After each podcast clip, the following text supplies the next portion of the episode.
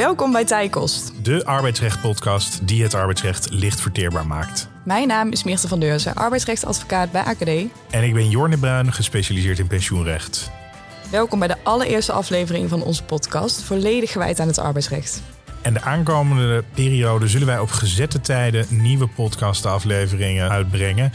En die podcastafleveringen, daarin bespreken wij telkens een arbeidsrechtelijk onderwerp met een gast.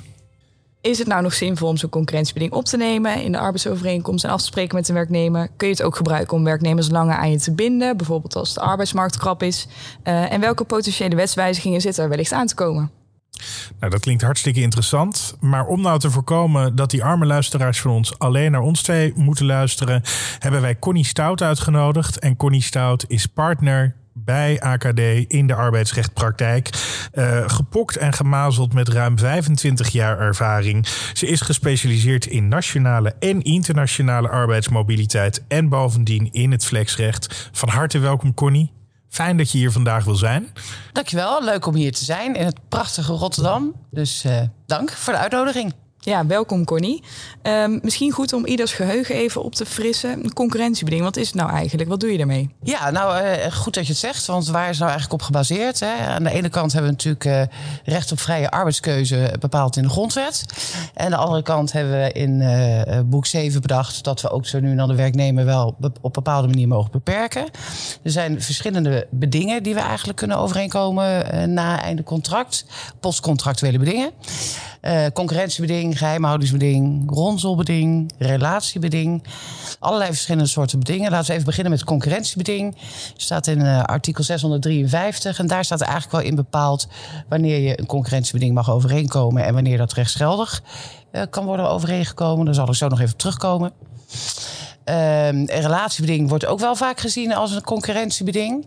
Valt ook onder artikel 653. Spreek je af dat je geen relaties mag benaderen. En een ronselbeding is dat je geen werknemers mag ronselen. En een geheimhoudingsbeding is eigenlijk na einde dienstverband. Waarbij je de werknemer verplicht om bepaalde zaken en kennis die hij heeft over de werkgever geheim te houden. Ja, dat triggert mij meteen wel even, moet ik zeggen. Want een concurrentiebeding, je wil werknemers beperken om bij concurrenten in dienst te treden. Maar stel nu even dat een werknemer ook gebonden is aan een geheimhoudingsbeding. Ja, dan is er toch geen vertrouwelijke informatie in principe die weg gaat lekken naar die concurrent. Wat is dan toch het belang van zo'n concurrentiebeding daarbij? Nou, concurrentiebeding doet iets meer dan alleen maar kennis en kunde uh, beschermen. Het gaat echt om bedrijfsgebied. Dus dat is ook informatie over andere zaken van de werkgever. Um, en een concurrentiebeding doe je van tevoren. Uh, en een geheimhoudingsbeding kan je pas achteraf handhaven. Uh, bewijsrechtelijk kan ik bewijzen dat iemand zijn geheimhoudingsbeding heeft overtreden in de praktijk. Nou ja, dat weten jullie ook. Is dat best wel lastig om dat te handhaven weet niet of jullie wel zaken hebben gehad, maar ik heb er nog nooit één gewonnen als we al gingen. Omdat je dan heel duidelijk inzichtelijk moet maken waar, hoe dat dan is gebeurd en hoe je dat moet bewijzen. Terwijl nu heb je aan de voorkant heb je de regie. Ja, dus je zegt eigenlijk, het is een sterker middel dan een geheimhoudingsbeding nou ja, iets sterker, maar ook een iets ander bereik. Hè. Het bereik is dus ook wel wat uh, breder. Want je wil echt dat iemand niet bij een concurrent van jou komt. Omdat een concurrent anders met jou informatie, kennis, kunde van de markt, prijzen, marges. Ja, het hangt natuurlijk vanaf in welke functie iemand zit. Maar aan de haal kan gaan. Ja, dat willen we natuurlijk niet. Dan is het ook vaak veel te doen over hoe lang mag zo'n beding nou duren. Hè? Want als werkgever wil je het misschien wel voor drie, vier jaar opleggen. Uh, maar ja, als ik die werknemer ben, dan denk ik, ja, ik vind zes maanden eigenlijk al heel lang. Want straks kan ik zes maanden mijn werk niet doen. Als je al een concurrentiebeding geldig vindt. Want werknemers willen dat vaak natuurlijk niet. Nee, nee. Uh, ook al merk ik trouwens wel dat ze vaak hun handtekening eronder zetten. En denken ze, we zien het wel na het einde van de dienstverband. Want het is toch niet te handhaven. Um, ja, de duur. Ik denk max twee jaar. Laten we daarmee beginnen. Ik weet niet wat jullie daarvan vinden. Ja, ik ben het daar wel mee eens. Ik zie het eigenlijk in de jurisprudentie ook nooit langer. Of als het langer wordt, dan wordt het toch uh, vaak gematigd ook door een rechter. Dus twee jaar is volgens mij wel echt de max. Ja. ja. Ja, ik, ik, mijn beeld is, maar ik, ik zit natuurlijk iets minder in het arbeidsrecht, dat die twee jaar ook al best lang is. Dat ja. ik ook nog wel vaak zie dat een tweejaarstermijn toch nog wel vaker verder gematigd wordt. Ja. Bijvoorbeeld teruggebracht wordt tot één jaar. Ja. Nou, dat is ook zo. En je ziet dat uh, rechters, uh, nou ja, natuurlijk altijd alle feiten en omstandigheden van het geval uh, meenemen in de weging van de belangen van de werkgever enerzijds en de werknemer anderzijds misschien de hoofdregel is wel hoe langer iemand in dienst is en hoe meer kennis die ook hè, en kunde en wetenschap heeft van het bedrijf en informatie van het bedrijf, hoe langer die termijn ook wel, denk ik, in het algemeen is. Um, ik zie vaak een matiging tot één jaar, maar ook wel va vaak een matiging in regio. Dus bijvoorbeeld, ik eh, ben uh, een bedrijf, ik met name verkoop in de Benelux. En dan wordt het dus uh, gematigd tot bijvoorbeeld concurrerende bedrijven in de Benelux. En kan je ook iemand echt een, een, een beroepsverbod opleggen, bijvoorbeeld de facto? Dus kan je iemand zeggen, goh, jij mag gewoon zes maanden je werk niet uitoefenen? Bijvoorbeeld mijn werk als advocaat, bijvoorbeeld. als voorbeeld. Nou ja, dat, dat gaat wel heel erg ver. Maar je ziet dat dat indirect wel zo kan zijn. Want stel even dat ik een concurrentiebeding als advocaat zou hebben. en ik mag mijn beroep in heel Nederland niet uitoefenen. Ja, dan weet ik niet zo goed waar ik advocaat zou moeten zijn. Dus de rechter zal daar natuurlijk wel kritisch naar kijken. Maar als werkgever wil je dat misschien wel proberen. Ja, hetzelfde bijvoorbeeld natuurlijk in de niche-markt. Hè. Dan is zo'n concurrentiebeding eigenlijk veel beperkender. Want waar moet een werknemer anders nog heen met zijn kennis? En dan heb je toch, dat vind ik toch wel sterker grondrecht. Uh, ja, op een vrije arbeidskeuze. Ja, en nou ja, daar zie je dus dat spanningsveld. Uh, en daar zie je ook ja, heel veel jurisprudentie over. Uh, maar goed, even toch weer terug naar de basis. Je moet het wel schriftelijk overeenkomen. Misschien even goed om daar nog even naar terug te gaan. Want hè, uh, het is allemaal geregeld in de wet. Maar je moet wel met een werknemer heel bewust een concurrentiebeding overeenkomen. En is dat dan vanuit de gedachte dat het, het, het heeft best wel verstrekkende gevolgen dus dan moet het die werknemer ook wel echt duidelijk zijn dat hij het aangaat. Ja, precies. En uh, uh, ja, mijn gedachte zou altijd zijn om dat ook eigenlijk al in de sollicitatieprocedure gewoon bespreekbaar te maken. En ook tegen zo'n eh, aan zo'n werknemer uit te leggen waarom jij zo'n beding wil opnemen. Um, en dus ook goed na te denken over bij welke functies doe ik dit, voor welke termijn doe ik dit. Maar in ieder geval schriftelijk. Ik kan dat niet genoeg benadrukken. er zijn een paar eisen in de wet. Het moet schriftelijk, iemand moet meerderjarig zijn uh, nou, meestal doe je, voldoe je wel aan die vereisten. En zet het in de arbeidsovereenkomst. er is jurisprudentie van de Hoge Raad, al een hele oude zaak. De zaak van Philips. Uh, nou, wij zitten in Eindhoven, dus voor mij leuk. Uh, waarin werd geoordeeld van schriftelijk mag ook bijvoorbeeld in de arbeidsvoorwaardenreglement. Als je daar uh, voor akkoord hebt getekend. Maar ik vind dat niet lekker. Dus als je er toch bewust mee bezig bent in die arbeidsovereenkomst. op het moment dat je een arbeidsovereenkomst aangaat. Ja, dat is denk ik dan een goede tip ook voor, voor de luisteraars bij een concurrentiebeding, als je het wil afspreken, doe het nou in de arbeidsovereenkomst zelf. Dan krijg je geen discussie. Precies, ja, let ook al op, want als de functie wijzigt, is ook nog wel een valkuil. Uh, ik denk, ja, daar maken we natuurlijk ook vaak mee, uh, hebben wij ook wel echt procedures over. Als een functie wijzigt, dan kan het zijn, zoals dat heet, dat een concurrentiebeding zwaarder gaat drukken. Uh, misschien de kennis onder ons kennen Brabant van de Uffelen, daar is het ooit mee begonnen. En dat betekent dan dat je opnieuw ook weer dat concurrentiebeding schriftelijk moet overeenkomen. Vergeet dat ook niet. Daar zit vaak ook nog wel een valkuil. Dus, dus bij promoties en dergelijke dan gewoon weer opnieuw. Gewoon eigenlijk een extra argument om wel op gezette tijden die arbeidsovereenkomst gewoon weer ja. Ja. opnieuw aan te gaan. Ja, want als ik echt. Vast te leggen in ieder geval. Ja, nou ja, ik denk als we, als we kijken naar onze zaken, waar toch heel vaak we het concurrentiebedingzaken op verliezen, is dus die functiewijziging. En dat het dus niet opnieuw schriftelijk is overeengekomen. Toch? Ja, het aanmerkelijk zwaarder drukken, dat criterium. Ja. Komt vaak voor. stel nu even in een situatie van overgang van onderneming. Wat is dan uh, de visie eigenlijk? Of wat zien we in de jurisprudentie? Moet ook een uh, concurrentiebeding dan opnieuw overeengekomen worden? Of blijft het in stand? Ja, uh, nou, overgang onderneming, hè, activa-passiva transactie. Uh, um, er zijn natuurlijk verschillende vormen, maar activa-passiva transactie. Eigenlijk zegt de wet, hè, gebaseerd op Europese wetgeving, dat er sprake is van de overgang van de onderneming. Dan gaan alle rechten en plichten uit de hoofden van de arbeidsovereenkomst van rechtswegen, dus automatisch mee over. Um, dus ook het concurrentiebeding. Dus dan hoef je het wellicht niet opnieuw. Uh... Nee, dan hoef je het niet opnieuw schriftelijk overeen te komen. Maar ja, wat als er gebeurt, dat je bij de overnemende partij net toch wat anders gaat doen qua werkzaamheden. En de functie misschien niet één op één overgaat. Of vlak na de overgang je toch als gevolg van alle ontwikkelingen een andere functie krijgt. Ook dan weer opletten en opnieuw schriftelijk overeenkomen. Ja, dus, dus het kan goed gaan als er eigenlijk niks verandert in de functie. Maar op het moment dat er in de functie wel wat wijzigt, of misschien ook nog wel in het bedrijf waar je gaat werken, dat het op die manier uh, weer terugkomt. Is dat ook een gezichtspunt? Dat het, uh, je wordt overgenomen door een groter bedrijf en daar uh, ingezet, ja, dan ja, dan kan het anders zijn. Uh, ik weet niet wat jullie ervaring is. Maar vaak als je ziet dat het uh, gebied waar je verantwoordelijk voor wordt gaat uitbreiden. Vaak zien we dat ook bij uh, juridische fusies bijvoorbeeld. Hè. Twee bedrijven gaat dan onder algemene titel over. Nou, dan zie je dat het bereik van zo'n concurrentiebeding veel groter kan worden. Ja, en dan is natuurlijk maar de vraag of het reëel is om te zeggen... ja, ja concurrentiebeding ziet nu op dit veel grotere bereik bijvoorbeeld. Verschillende markten of allerlei soorten producten of verschillende landen. Um, dus ja, dat, dat bij iedere wijziging die echt wat inhoud heeft, laat ik het dan zomaar zeggen. Ook op de inhoud van de functie en het gebied waar je in werkzaam bent, gewoon even wakker blijven. Maar we hebben nog niet, denk ik, de, eh, een, bevestiging van de Hoge Raad dat uh, bij een concurrentiebeding kan bij overgang van onderneming, als alles gelijk blijft, kan dat, kan dat blijven gelden. Die bevestiging hebben we nog niet van de Hoge Raad. Hè, dat het bij een fusie of een splitsing ook het geval is. Nee, dat hebben we formeel nog niet. Maar als je het mij vraagt, gaat de Hoge Raad zeggen: dat het niet hoeft, tenzij inderdaad er eh, echt inhoudelijke wijziging eh, plaatsvindt. Ja, je, je benadert het materieel. Ja, Vanuit de gedachte gaat iets wel of niet zwaarder drukken. Ja. Ja. ja. uiteindelijk is dat natuurlijk ook wel verdedigbaar. Hè? Dat je, je bent als werknemer een beding aangegaan. Uh, ja, een veronderstelling van een aantal feiten. Die feiten worden anders. het bereik wordt groter. Dus op zich zou je dat moeten kunnen heroverwegen... voordat je zomaar gebonden wordt aan een breder beding. Ja, dat vind ik ook terecht. Maar als dat niet zo is, vind ik ook dat je weer niet ja. dat hoeft te doen. Ja. ja. en vanuit de gedachte dat bij een overgang van onderneming, wat eigenlijk de activa passiva is, dat is een bijzondere titel zoals we dat dan juridisch noemen, daar, daar kan die dus rechtsgeldig mee overgaan als er verder niks wijzigt. Dan zou je zeggen dat bij die algemene titelovergang, die eigenlijk nog completer geacht wordt te zijn dan die bijzondere overgang, ja, dan zou die ook mee overgaan, zou je zeggen. In, ja, in beginsel wel. Maar goed, ik weet dat daar eh, discussies over zijn. Nou, eh, goed dat we daar in ieder geval ons van bewust zijn. Dus, dus zekerheidshalve toch maar dan opnieuw aangaan, denk ik, bij, bij een fusie of een splitsing. Ja, in ieder geval uh, goed bewust zijn. En uh, nou, ik merk ook vaak in, in uh, overnametrajecten, waar we natuurlijk ook vaak bij betrokken worden, dat dit ook echt een aandachtspunt is. Hè? Ook met name voor het hogere personeel. Goed nadenken, hoe zit het met de concurrentiebedingen?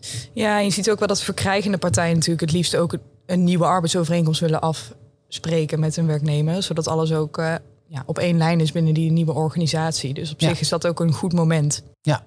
Wat mij altijd opvalt bij, bij die concurrentiebedingen is als ik dan uh, een buitenlandse uh, cliënt spreek, die, die begint eigenlijk altijd over: goh, wat moeten we dan betalen voor, voor zo'n concurrentiebedingen? moeten we dan.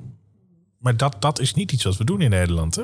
Nee, nee, dat klopt. Uh, er staat overigens wel in uh, 653 lid 4 een mogelijkheid dat de rechter uh, discretionaire bevoegdheid heeft om de vergoeding toe te kennen. Dat kan bepaling. Hè, dus dat kan een kantonrechter doen. praktijk leert dat ze dat niet heel veel doen. Dus het is nog niet ja, normale gang van zaken. Maar inderdaad, buitenlandse bedrijven vragen dat vaak. Uh, we hebben wel in het verleden daar een wetsvoorstel over gehad. Hè. Bijvoorbeeld in Duitsland, even dicht bij huis, doen ze dat standaard. Staat het ook in de wet. Dus dat je een vergoeding moet betalen op het moment dat je een werknemer aan zijn concurrentiebeding houdt. En die vergoeding moet je dan betalen voor de duur dat je uh, die werknemer aan zijn concurrentiebeding houdt. Uh, dat is hier niet geslaagd, dat voorstel. Dat ze eigenlijk wel alle concepten al klaar liggen als uh, adviseurs. En op het laatste moment uh, werd het uh, stopgezet, dat uh, wetgevingstraject. Maar er ligt weer wat op de plank. Um, dus ik verwacht dat dat uh, wel weer uh, eraan zit te komen. Uh, en dat dus daar misschien ook wel vergoedingen in worden meegenomen. Maar goed, misschien komen we daar straks nog op. maar dat, ja. ja. dat, ja, want, want, ik wilde nog even. Ik had zelf misschien eigenlijk altijd wel een beetje de gedachte dat ja, zo, dat loopt niet zo'n vaart met zo'n concurrentiebeding. Zo rechtermatig dat wel helemaal weg. Ja, Nee, dat, uh, ja, ik, ik blijf altijd zeggen tegen zowel werkgevers als werknemers: uh, van als eenmaal een concurrentiebeding schriftelijk is overeengekomen, dan is het rechtsgeldig overeengekomen. Dat is de basis. Ja, contractsvrijheid. Ja, en dan ga je, ik bedoel, anders hoeven we nooit meer met elkaar een overeenkomst te sluiten. Want alles wat je dan op papier zet, dat zou dan niet meer gelden. Dus de basis is, wat je met elkaar afspreekt, heeft te gelden. Maar goed, Uiteraard kan het zo zijn dat er belangen zijn die afgewogen moeten worden waarom het gematigd moet worden. Overigens, een concurrentiebeding helemaal terzijde stellen is ook wel weer vrij vergaand. Maar rechts matigen vaak in duur, in regio. Uh, en dat gebeurt inderdaad uh, zeker uh, in de praktijk. Hey, en zo'n concurrentiebeding kan natuurlijk ook praktisch zijn. Zeker in, in tijden waarin we nu leven. Krapt op de arbeidsmarkt. Je wil natuurlijk goed personeel wat schaars is. Het liefst als werkgever aan je binden. Um, Zie je dat dat in de praktijk vaak gebeurt? Ja, ik, ik denk dat. Uh, kijk, een concurrentiebeding is een beetje conjunctuurgevoelig. Hè? Als er krapte is op de arbeidsmarkt, is de, is de wens veel uh, groter om uh, werknemers aan een concurrentiebeding te houden. Uh, en wordt ook vaak gezegd: krapte op de, het, het is zo'n krapte. Ik heb nu echt een belang om mijn werknemer aan het concurrentiebeding te houden. Ja, helaas. De Hoge Raad heeft laatst een uh, uitspraak gedaan.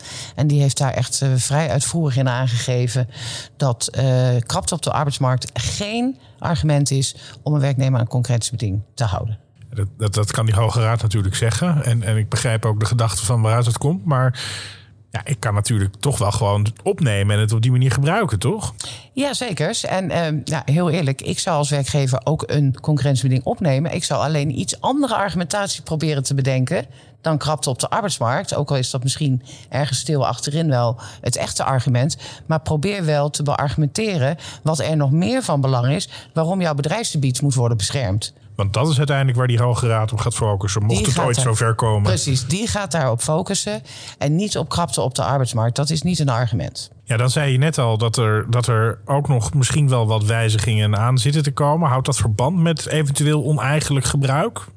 Ja, dat niet zozeer, maar wel de behoefte vanuit de markt om meer duidelijkheid. Hè. Wat ik zei, dat is natuurlijk met heel veel in het arbeidsrecht. En rechten beoordeelt alle feiten en omstandigheden van het geval. Maar dat is natuurlijk heel casuïstisch. Dus het is wel feit om bepaalde richtlijnen te hebben. Alleen de belangen van de werkgevers, zul je begrijpen, liggen wat anders dan die van werknemers. Dus uh, er ligt nu een rapportage, uh, ligt ook bij de Tweede Kamer, om te kijken van kunnen we hier nou toch niet wat meer concreet uh, maken voor allebei de partijen. Waarbij eigenlijk door alle betrokkenen uh, vier beleidsopties zijn neergelegd, zoals we dat dan noemen. En die beleidsopties gaan over verschillende vraagstukken. Namelijk, kan ik de duur, moet ik die in de wet gaan vastleggen? Maximale duur, bijvoorbeeld een jaar. Uh, moet ik bijvoorbeeld de regio vastleggen? Moet ik de vergoeding uh, vastleggen in de wet? Of moet ik nou dat net niet doen? Nou, dat zal je niet verbazen. Werkgevers willen zo min mogelijk in die wet, werknemers zoveel mogelijk. En dat zit allemaal een beetje verwerkt in die vier beleidsopties. Maar dat klinkt alsof er hoe dan ook beperkingen aan zitten te komen. Klopt dat? Ja, dat dacht Donner ook destijds. Dus ja, het is maar even de vraag natuurlijk altijd. Maar de markt, je merkt al dat de markt is veranderd, de wereld verandert. Dus de kans van slagen acht ik nu wel wat groter. En ik, ja, ik weet niet hoe jullie dat. Als je zo kijkt naar het nieuws, verwacht ik dat er ergens wel weer een bekende polder middenweg zal worden gevonden. Waarbij we aan allebei de belangen tegemoet zullen komen. En dus iets meer concreet qua duur en vergoeding, denk ik, wel in de wet gaan komen. Ja, je ziet in de praktijk natuurlijk dat zo'n concurrentiebeding eigenlijk bij wijze van automatisme gewoon opgenomen wordt. Uiteindelijk uit het rapport is ook uh, gebleken dat uh, naar schatting 3,1 miljoen werknemers op een beroepsbevolking van 8,4 miljoen werknemers gebonden is aan zo'n beding. Dus dat het wordt gewoon vaak opgenomen dat, dat zonder dat er heel echt. Veel. Ja, dat is gewoon echt heel erg veel. En dat, daar zie je wat mij betreft ook uit dat mensen daar niet altijd even goed over nadenken. Een werkgever die moet wel vooraf heel goed bedacht zijn op de argumenten die hij heeft bij zo'n concurrentiebeding. Juist ook om die belangenafweging uiteindelijk in zijn voordeel te laten uitvallen. Ik vraag het ook heel vaak aan de telefoon: wat is nou je belang bij de beding? En dan word ik een beetje moeilijk aangekeken. En dan is het ja, ja, omdat ze heel veel informatie hebben. Ja, dat is dus niet het enige. Dus uh, ja, als iemand uh, op een bepaalde afdeling zit, HR, ja, die heeft weinig commerciële gegevens. Dus waar is dan het belang? Dus uh, ik, ja, ik, ik denk dat het goed is dat er wel iets meer duidelijkheid over komt. Maar neem het wel altijd op. Ik blijf dat maar herhalen. En misschien is het dan iets meer te automatisch. Maar dan kan je achteraf daar nog een reële discussie over hebben. Want als je niks hebt, dan ja, als werkgever heb je ook weinig te handhaven natuurlijk. Nou, dat, dat klinkt eigenlijk alsof je een paar tips hebt voor de luisteraars. Neem schriftelijk dat concurrentiebeding op in de arbeidsovereenkomst. Ja. Denk er zo goed mogelijk over na hoe je het wil toepassen. Maar wees daar ook specifiek in. Zodat denk ik de kans dat een rechter het, no het matigt beperkt wordt. Ja. Um, en, en wees je heel bewust van allerlei situaties waarin dingen kunnen wijzigen. Dus promoties, functiewijzigingen, overgang van onderneming, die, die misschien ook wel weer leidt tot gewijzigde functies, of fusies en splitsingen. Ja, en hou wetgeving in de gaten, want er gaat iets gebeuren. Ja, en even stel nou dat dat, want, want er is nog niet een wetsvoorstel, toch, op dit nee, moment? Het is, het is nog niet, ja, er is wel al heel veel papier, maar nog niet concreet daarin. Nee, nee. nee dus we sturen brieven. Ja. Ja, En, en ja, nee, dat is ook belangrijk. Uh, dat wil ik niet. Maar, maar stel nou dat dat wetsvoorstel er komt, uh, kunnen we je dan weer terugvragen om ons bij te praten over dat onderwerp? Ja, heel graag. Want dan gaan we allerlei discussies krijgen of de geldige bedingen nog van toepassing zijn, of we die kunnen blijven handhaven, of dat die dan nietig zijn en niet meer bestaan. Dus uh, kom ik graag weer even langs. Kijk, dat smaakt naar meer. Um, alle luisteraars thuis in ieder geval veel dank voor het luisterend oor. Wij gaan hem afronden hier. Uh, smaakt het inderdaad ook voor u naar meer? Abonneer je dan op de taaie kost om geen enkele aflevering te missen. Ja, en wilt u de uitspraken nog een keer rustig uh, nalezen? Dat kan. In de show notes bij deze aflevering zetten wij de vindplaatsen van de uitspraken. Wij gaan naar de koffie. Lekker.